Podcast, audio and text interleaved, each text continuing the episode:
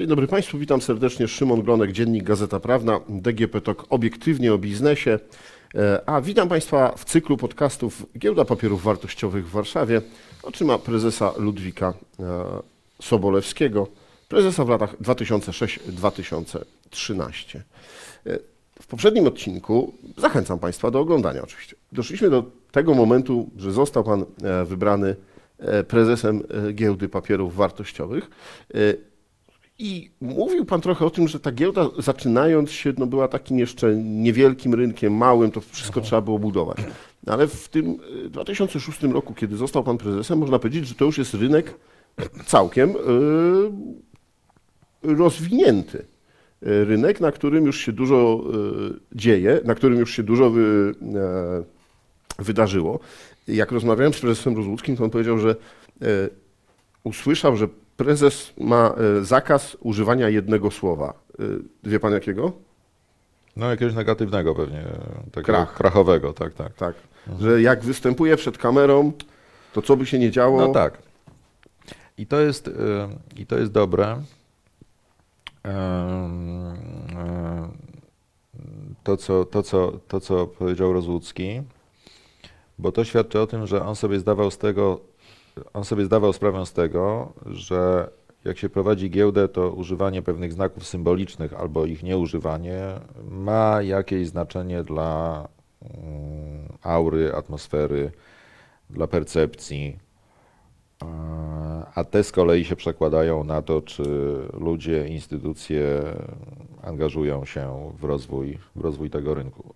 Oczywiście w roku 2006 on był em, pod względem takim organizacyjno-infrastrukturalnym e, zupełnie już y, wykształcony. Tak? To znaczy mieliśmy e, rynek kasowy, czyli rynek, rynek akcji. I już wtedy mieliśmy takie, e, taką, można powiedzieć, namiastkę obrotu obligacjami, ale to były obligacje skarbowe, tam kilka serii, jeśli dobrze pamiętam, można było w obrocie giełdowym nabywać. Czyli jeśli chodzi o rynek tych klasycznych instrumentów finansowych, to był to jednak rynek akcji tylko. Mhm.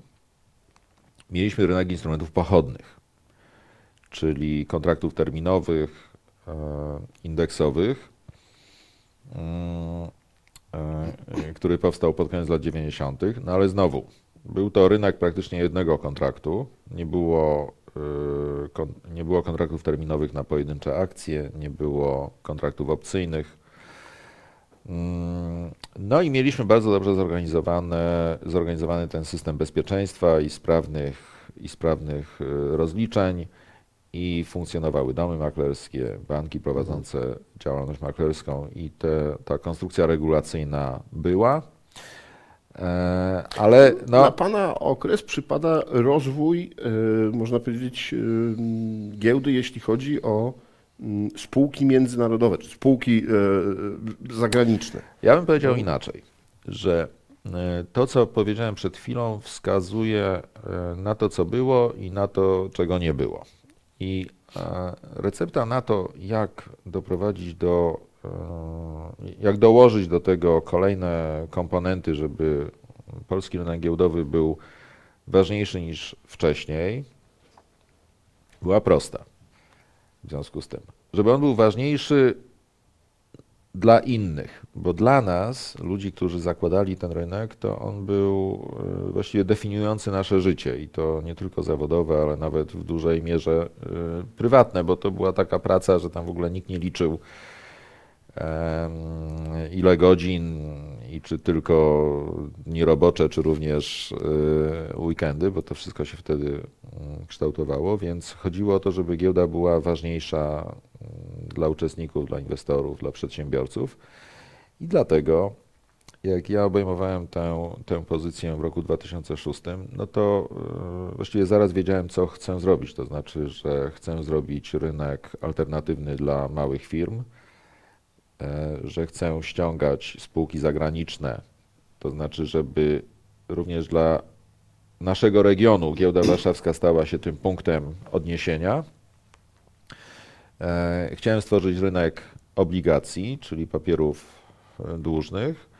E, No i tam jeszcze inne rzeczy, takie już można powiedzieć e, funkcjonalnie z tym związane, czyli jak mamy e, coraz większą ofertę instrumentów, no to trzeba też budować e, dobry dostęp dla brokerów zagranicznych, żeby to, że- że- żeby również od strony tej, e, tych pośredników w obrocie e, był to rynek taki no w pełni, w pełni umiędzynarodowiony.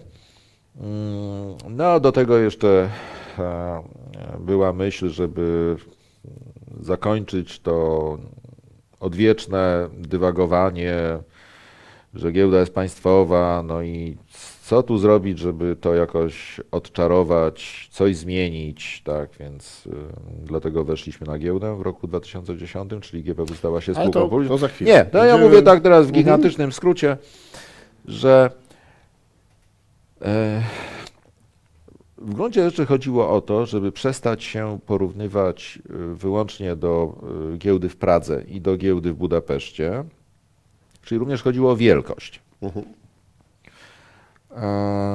I żeby z rynku takiego lokalnego, bardzo dobrze y, zbudowanego, właśnie tak jak mówiliśmy w poprzedniej rozmowie, w pewnych aspektach to nawet bardziej nowoczesnego niż y, znacznie bardziej rozwinięte rynki na zachodzie Europy czy w, czy, czy w Ameryce mm, Północnej.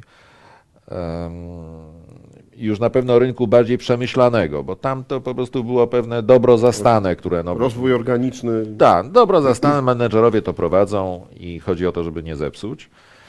A my to wymyśl- wymyślaliśmy i przy okazji mieliśmy możliwość zrobienia czegoś nawet lepiej niż tam zostało to pomyślane. A jeszcze byliśmy w okresie przed akcesją do Unii, czyli przed rokiem 2004. To wtedy wszystko było łatwiejsze, jeśli chodzi o takie wymyślanie i wdrażanie.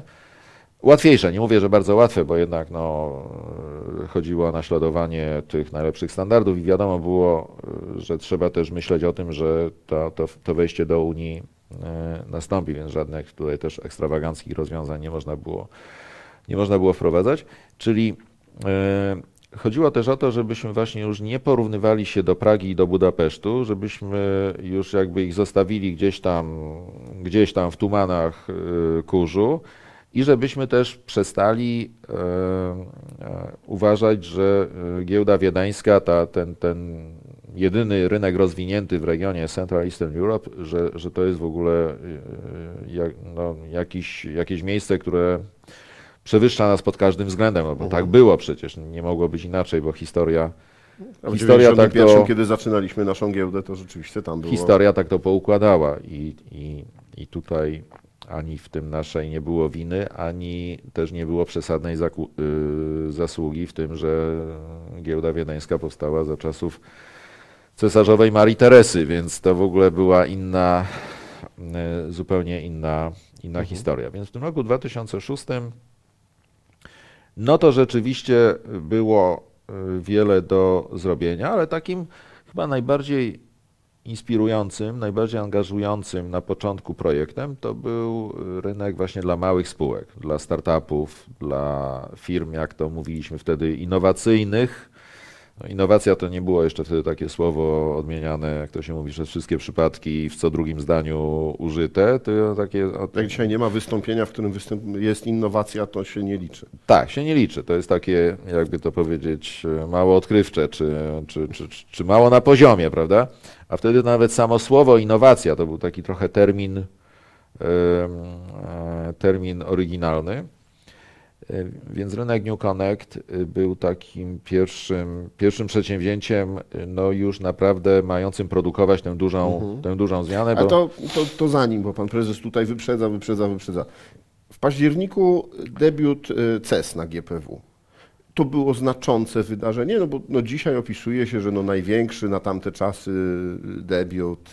y, CES, tak? Tak. A to było w październiku 2006 roku? Em, No, to było znaczące, dlatego że y, dlatego, że CES był e, spółką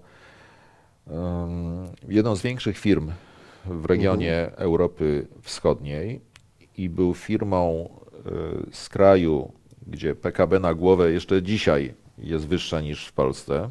Dzisiaj, jak rozmawiamy, tak. I my się w ogóle nie staraliśmy o CES. Oni sami do nas przyszli. To dlaczego woleli Warszawę, a nie Pragę?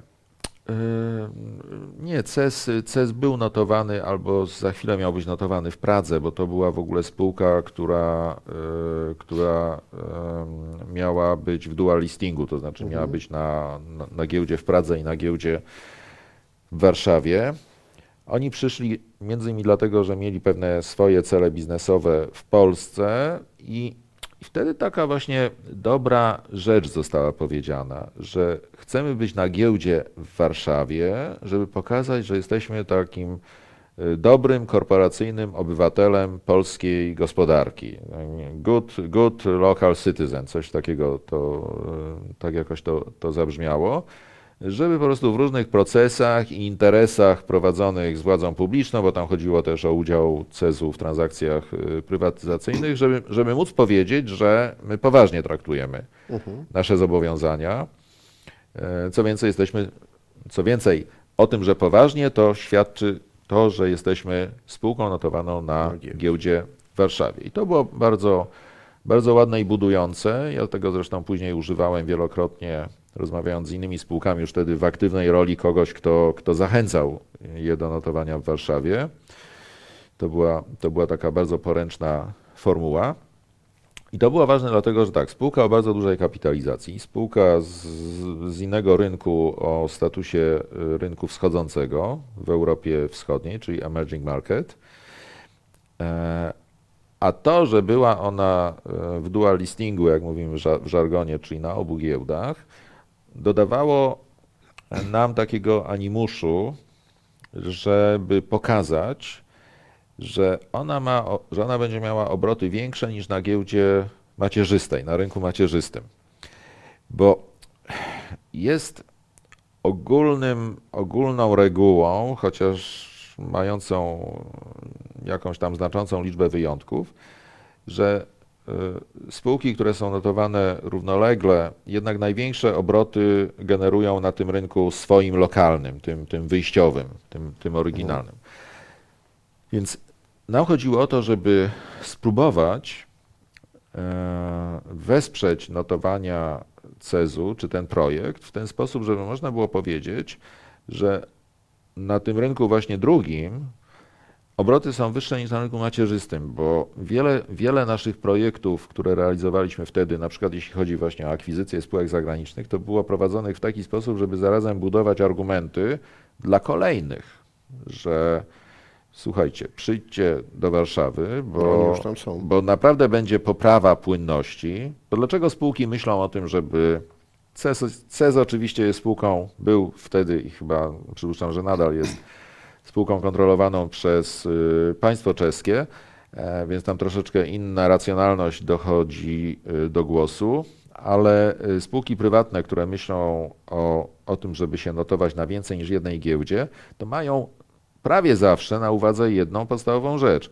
zwiększyć płynność. Zwiększyć płynność, zmniejszyć ryzyko inwestycyjne, a więc przyciągnąć nowych inwestorów, a więc zwiększyć szanse na finansowanie swojej działalności poprzez kolejne emisje akcji po lepszym koszcie tego finansowania niż y, wcześniej. Więc nam zależało bardzo na tym, żeby wykreować taki flagowy przypadek czy przykład, że CES, y, że mamy spółkę zagraniczną, która osiąga, ma lepsze osiągi na rynku warszawskim niż u siebie, tak? Jeszcze w dodatku to była giełda w Pradze, która była wraz z nami klasyfikowana jako emerging market, więc, y, więc w zupełnie takim, e, w zupełnie takim dobrym towarzystwie. Więc tam różne rzeczy wymyślaliśmy. To czasem działało, czasem nie, ale, y, ale y, musiało to działać dosyć dobrze, bo jeżeli się, jeżeli to dobrze pamiętam, to CES był nawet przez pewien czas w WIG20. I, y, I rzeczywiście bywało tak, bywa- bywały takie miesiące, że były u nas lepsze obroty niż w Pradze. Między innymi z tego względu, że mm, polskie fundusze emerytalne kupowały CES i co prawda jeszcze przez pewien czas wolały to robić w Pradze, ale potem to już robiły w Warszawie, więc to generowało, generowało obroty. Co prawda nie takie obroty, no, które były replikowalne, no bo po prostu OFE zajmowały pozycje, to nie było przeznaczone do aktywnego handlu, ale, y, ale to, był, to był dobry przykład tej y, realizacji te, tego elementu strategii regionalnej, która miała pokazać, że my się stajemy takim, wtedy jeszcze nie stajemy się, ale chcieliśmy być takim małym Londynem, tak? Czyli to takie było moje ulubione y, powiedzonko czy, czy, czy określenie. E, które miało zaznaczyć, że my raczej nie jesteśmy zorientowani na to, żeby próbować przejmować inne giełdy, tylko my chcemy budować tutaj silną giełdę, żeby do nas przychodzili inwestorzy i spółki zagraniczne, spółki zagraniczne wraz z nimi, mhm. Wraz z nimi inwestorzy, więc e, jeżeli, jeżeli tak było, bo to, tego nie pamiętam, e, mówiąc szczerze, chociaż pamiętam, że cała historia z Cezem rozpoczęła się i to jest jakaś anegdota, y, którą sobie teraz przypomniałem, która jest do użycia w tej mojej przyszłej, być może kiedyś do napisania książce o giełdzie, że cała ta historia z Cezem z mojego punktu widzenia rozpoczęła się od takiego, no można by powiedzieć, nawet lekko tajemniczego spotkania na forum e, ekonomicznym w Krynicy, gdzie byli właśnie ludzie z Cezu, e, szef firmy i tam przy rydzach, przy rydzach żeśmy omawiali, co spółka z tego może mieć, co my możemy mieć, w ogóle jak ten proces technicznie, technicznie przeprowadzić. Więc to mogło być faktycznie jesienią, jesienią tamtego roku. No i w 2006 roku, zaraz po tym jak objąłem tę funkcję, no to też mieliśmy pierwszą spółkę ukraińską, Astartę na, no właśnie, na giełdzie w Warszawie, czyli, było... czyli tak no, z mhm. różnych stron coś tu zaczęło się wyłaniać. Yy, Wcześniej i... było podpisanie umowy z domem maklerskim i chciałem zapytać, yy, skąd ten pomysł na, na pójście na wschód? Na, yy, no bo dotąd była narracja Wiedeń, czyli bardziej na południe. No tak, ale właśnie mm, ponieważ chcieliśmy zrobić z Warszawy to centrum obrotu kapitałowego, no to należało sobie zadać pytanie, wobec kogo my mamy na to największe szanse. E, no nie będziemy się, przepraszam za kolokwializm, wygłupiać, mówiąc, że e, jesteśmy lepszym rynkiem giełdowym dla firm brytyjskich, czy francuskich, czy hiszpańskich, czy amerykańskich, chociaż to, z czasem to też takie elementy pewne, nieśmiałe już mogły być dołączone. E, natomiast e, w naszym regionie sytuacja była taka, że w każdym kraju tym objętym transformacją gospodarczą po roku 89-90 mm, ustanowiono giełdy, tylko że widać było, że ona tak zaczyna się udawać, ta giełda tylko w Polsce. No, trochę, trochę właśnie w Pradze i Budapeszcie.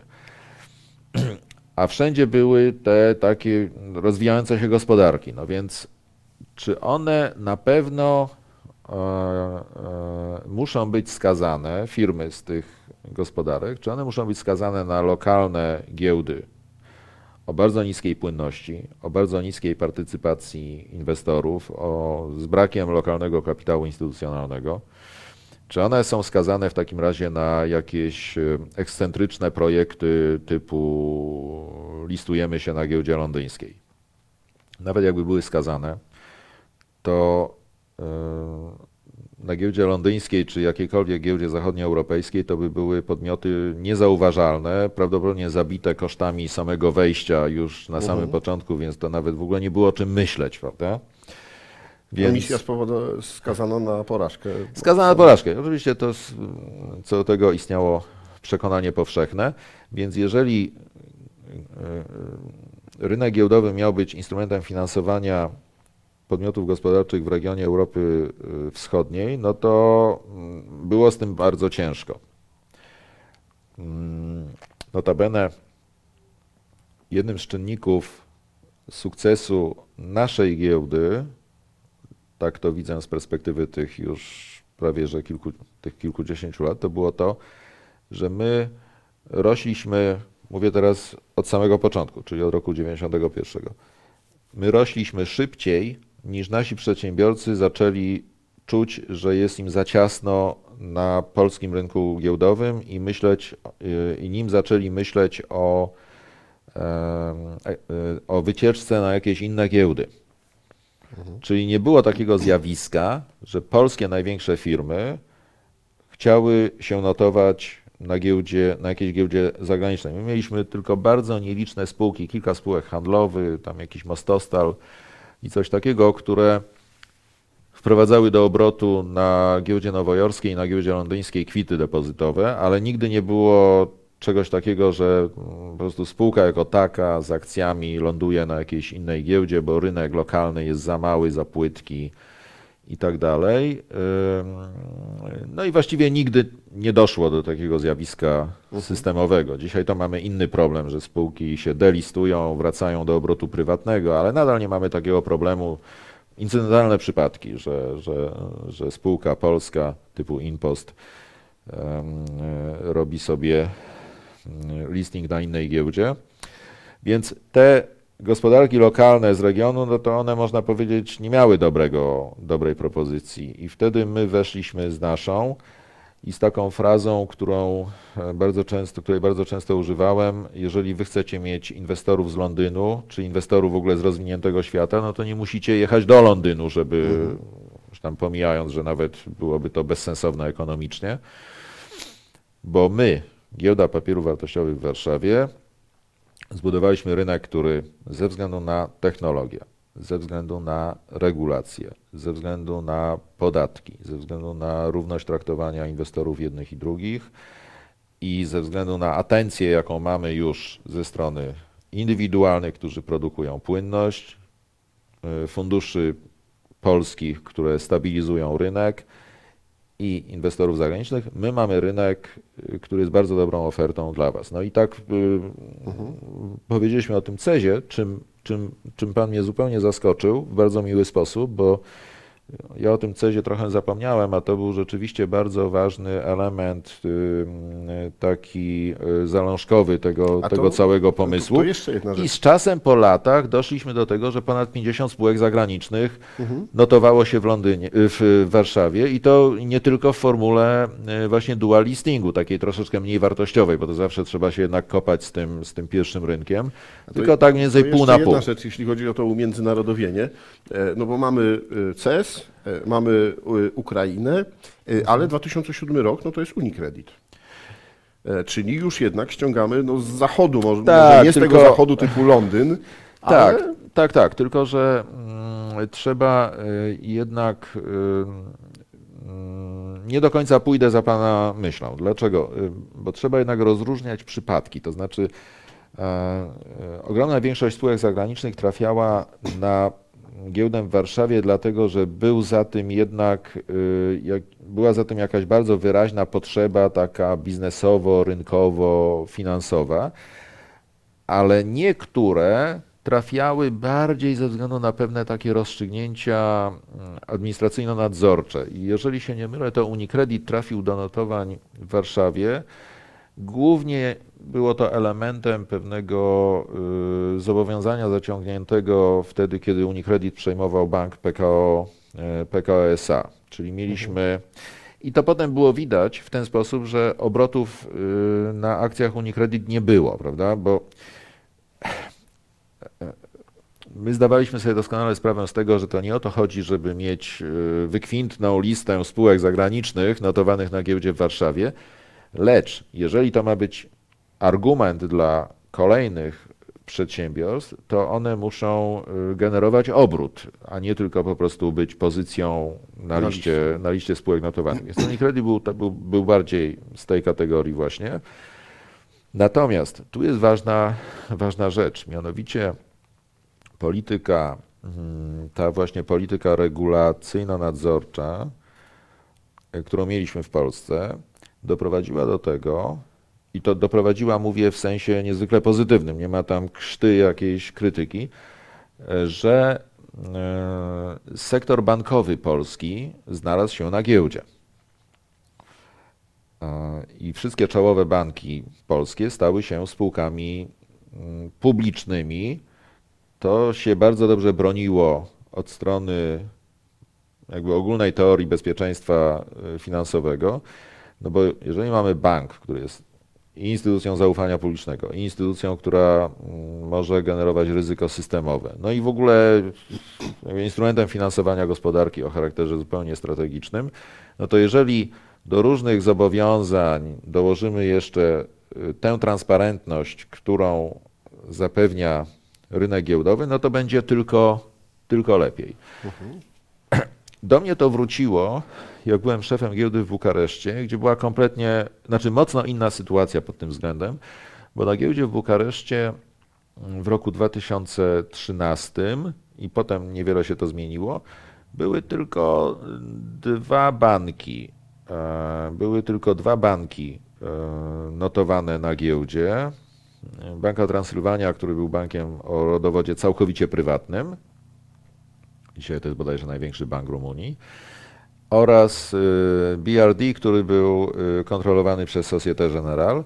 To były dwa, dwa banki z całego sektora, e, gdzie było jeszcze wielu, y, kilku bardzo poważnych graczy, były na giełdzie. I koledzy z Rumunii zadawali mi pytanie, jak to jest możliwe, Oczywiście oni chcieli czegoś takiego u siebie. Jak to jest możliwe, że tam, słuchaj, u ciebie w Warszawie, u was, e, to prawie wszystkie banki są, są spółkami giełdowymi. Więc ja mówię, słuchajcie, no to jest możliwe dlatego, tak? I potem też miałem e, rozmowy z em, gubernatorem czy z, z prezesem Banku Centralnego Rumunii, próbując go namawiać do tego, żeby po prostu coś takiego zostało wdrożone jako, jako no, dyrektywa tej polityki finansowej i, i nadzorczej. Więc nawet jeżeli te spółki typu Unicredit czy Santander mm, nie generowały obrotów, to jednak podkreślały ważność Mhm.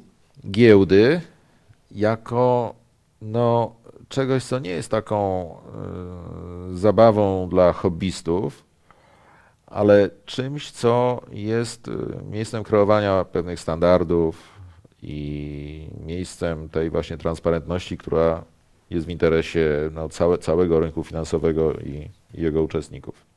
Przejdźmy do takiej prozy życia y, prezesa giełdy. No bo no, duże spółki, otwarcie rynków i w ogóle, ale 2007 rok, y, 13 lutego. Pamięta pan? Nie mam pojęcia, co się wydarzyło 13 lutego. Zawieszenie notowań giełdowych na 3 godziny z powodu przerwy w komunikacji między giełdą a domami maklerskimi. A, No, y, gdybyśmy wtedy mieli popołudniowe wydania gazet, to to byłaby jedynka na wszystkich popołudniówkach. Panie redaktorze, ja napisałem e, niedawno felieton na ten temat e, w jednej z gazet piszących o rynku kapitałowym. E, ja miałem dwie, dwie awarie systemu transakcyjnego. Tak, druga była 2 lipca, też 2007.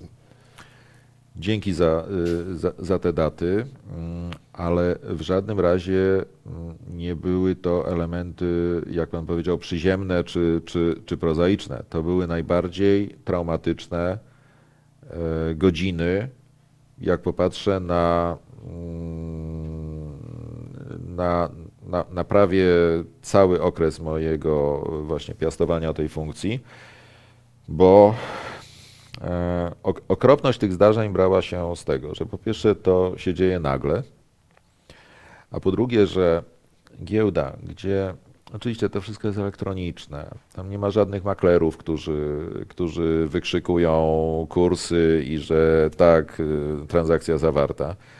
E, Więc to wszystko jest takie bezszmerowe, tylko huczą serwery. E, ale się wyświetla. Przewijają się tam te, te, te, te, te, te ceny mm, akcji i generalnie jak ktoś tam jest w środku, to czuje, że, to, że ten olbrzym żyje, e, że tak powiem. I nagle to po prostu wszystko staje, to, to, jest, to jest coś okropnego. Jeszcze w dodatku nie wie pan, kiedy to się w ogóle da przywrócić do życia. Wydania popołudniowe nie były potrzebne, bo mm, e, co prawda wtedy, w roku 2007, no to jeszcze mieliśmy, że tak powiem, internet 1.0 i to e, i social media były w powijakach i nie było, takiego, nie było takiej błyskawicznej komunikacji. Wszystko się nie roznosiło aż tak powszechnie jak, No, Ale jak obecnie. zainwest- zainteresowanie y, giełdą w, mediach było dużo Ależ, większe niż dzisiaj. ależ dokładnie. Ja nawet sobie pozwoliłem w tym felietonie, o którym wspomniałem, na y, sformułowanie takiej refleksji, że y, ciekawe, co by było dzisiaj, gdyby dzisiaj doszło do awarii systemu giełdowego? Czy by się powtórzyło to, co ja miałem właśnie 13 lutego, tak? Tak, tak. 13. No niech ktoś tu powie, że chociaż ja się urodziłem 13 i nie mam e, zastrzeżeń do tej liczby, ale, mm, ale, ale, ale tutaj było inaczej. To znaczy, że muszę wejść tam po pół godzinie czy po godzinie do sali notowań, gdzie ym, ona, ona już jest usiana y, kamerami, dziennikarzami, jakbyśmy mieli debiut jakiejś bardzo ważnej spółki giełdowej. Nie przesadzam w ogóle. A wcześniej oczywiście faksy z KNF-u i mm, setki telefonów z biur maklerskich, co się dzieje. E, Wtedy jeszcze było trochę takiej klienteli giełdy, która mm, sobie siedziała, czy była w lokalu mm, biura maklerskiego, w tych takich pokach to się nazywało, czyli punkt obsługi klienta, jeśli dobrze to e, rozwijam. Więc jeszcze tam ludzie, no zaraz, ale że co, bo złożyłem zlecenie. Rano zużyłem Złoży, zlecenie. złożyłem zlecenie rano albo trzy minuty temu i, Mhm. i co? Nie mam, nie mam potwierdzenia, że transakcja jest zawarta. Więc to było, e, to było, e, to było naprawdę ogromne wydarzenie, chociaż chociaż e, mm, no, napięcie było e, olbrzymie, ale zarazem, wtedy o tym tak nie myślałem, ale, ale później już tak, że to też był pewien dowód, wolałbym go nie mieć, ale był to dowód na to, że giełda jest ważna społecznie, że giełda e, paski od razu w telewizjach, tak, e, e, że giełda po prostu interesuje ludzi, media, już nie mówię o po prostu instytucjach e, finansowych. Mm, I to było bardzo dobre, bo znowu, tak jak mówiliśmy chyba w poprzedniej rozmowie, czy już w tej, innowacja było, było słowem takim dopiero wyłaniającym się w naszych słownikach, to tak samo społeczność była słowem dopiero się wyłaniającym, nie tak używanym jak dzisiaj w przeróżnych e, kontekstach, a to społeczność e, online, a to społeczność, nie wiem, crowdfundingowa, a to jeszcze inne społeczności, ale to wtedy można było poczuć, że rzeczywiście coś takiego w Polsce e, istnieje. Wątku e, w tej awarii sensacyjnego nie było żadnego. W tej awarii z 13 lutego, bo się okazało, że tam jakiś po prostu bezpiecznik padł. Oczywiście to było y, niedobre, że my nie mieliśmy tego zduplikowanego, że tam coś padło i nie przejmowało to, tego jakieś zabezpieczenie. Co prawda to nie był nasz bezpiecznik, e, bo był w budynku giełdy, ale już nie na naszym, nie na naszym terenie. No ale to pokazało, że jak się prowadzi rynek, który jest już taki no, naprawdę ważny, istotny, no to trzeba też pomyśleć, co tam sąsiedzi mają. Czy nie mają jakiegoś bezpiecznika, który jak padnie, to nam coś, coś wyłączy. odetnie. Więc to nas, to nas też bardzo, bardzo wiele nauczyło, ale to jest taki właśnie moment ciszy, y, y, to, to zatrzymanie się systemu giełdowego, który jest tak głęboką antytezą giełdy, która implikuje ruch, podniecenie, ekscytację, Buzujące emocje. buzujące emocje, e, złe i dobre, to to jest taka antyteza, że mnie się to nieodmiennie kojarzy z tą słynną sceną z filmu Margin Call, jak szef Wielkiego Banku Inwestycyjnego ląduje helikopterem na dachu. To wszystko się dzieje, jak już wybucha ten kryzys finansowy, bo to jest, y, bo to jest o tym. Wielki kryzys finansowy i ten szef tego wielkiego banku, którego gra Jeremy Irons, podchodzi do takiej, takiego okna, jak tutaj jest u pana i mówi, czy wiecie, co słyszę? Słyszę ciszę, bo bank jest przelewarowany na instrumentach, o czym właśnie ten wielki szef się dowiedział od takiego inteligentnego, bystrego analityka. I on zaczyna słyszeć, że to wszystko zwalnia i on słyszy ciszę. No to jest coś bardzo stresującego na rynku giełdowym. Oczywiście są jeszcze inne stresujące sytuacje, bo mi się teraz przypomina, że może być aż nadmiar ekscytacji, emocji, emocji czyli przypomina, przypominają mi się pierwsze tygodnie roku 2008, styczeń, Czyli proszę zauważyć, tu nam się pojawia taka linia. Luty 2,7, potem, potem pan mówi, że w lipcu była kolejna, bo była rzeczywiście chyba nawet dłuższa, a e, pierwsze dni, dos, dosłownie pierwsze sesje mm, 2008 roku to są ceny tych banków, o których mówiliśmy wcześniej, Mhm. znaczy ceny akcji tych banków, które spadają o kilkanaście procent, bo my mieliśmy taką sytuację, że w październiku albo w listopadzie 2007 roku WIG20 osiągnął najwyższy poziom w historii. Coś tam się zaczął zbliżać chyba do 3700-3900 punktów. E, A y, w styczniu y, 29 października 2007 e, 3917,87. Jest pan fenomenalnie przygotowany, a przecież w ogóle się nie umawialiśmy Nie, nie, nie, Co, do, co do tego. Czyli właśnie, dzisiaj WIG20 ma poziom gdzieś 2300, 2400, coś koło tego, prawda? Więc tam było 3900, a w styczniu się już można powiedzieć, że e, zaczęło to walić jeszcze na 9 miesięcy przed Lehman Brothers. Więc, więc rzeczywiście w tym roku 2007 to tak te, te, te, te zatrzymania akcji serca i cisza, a potem to ten, ta, ta nie cisza, no to się okazała Mhm. też y, bardzo, złowieszcza. bardzo, też złowieszcza, też bardzo problematyczna. Mhm. E, Panie prezesie, to w tym momencie stawiamy kropkę i przechodzimy do e, tego, żeby Państwa zaprosić na e, następną naszą rozmowę, a ci, którzy oglądali dzisiejszy odcinek, no to oczywiście do tego, żeby zobaczyli poprzedni. Moim i Państwa gościem w podcaście DGP Tak Obiektywnie o Biznesie jest e, Ludwik Sobolewski, prezes Giełdy Papierów Wartościowych w Warszawie w latach 2006-2013.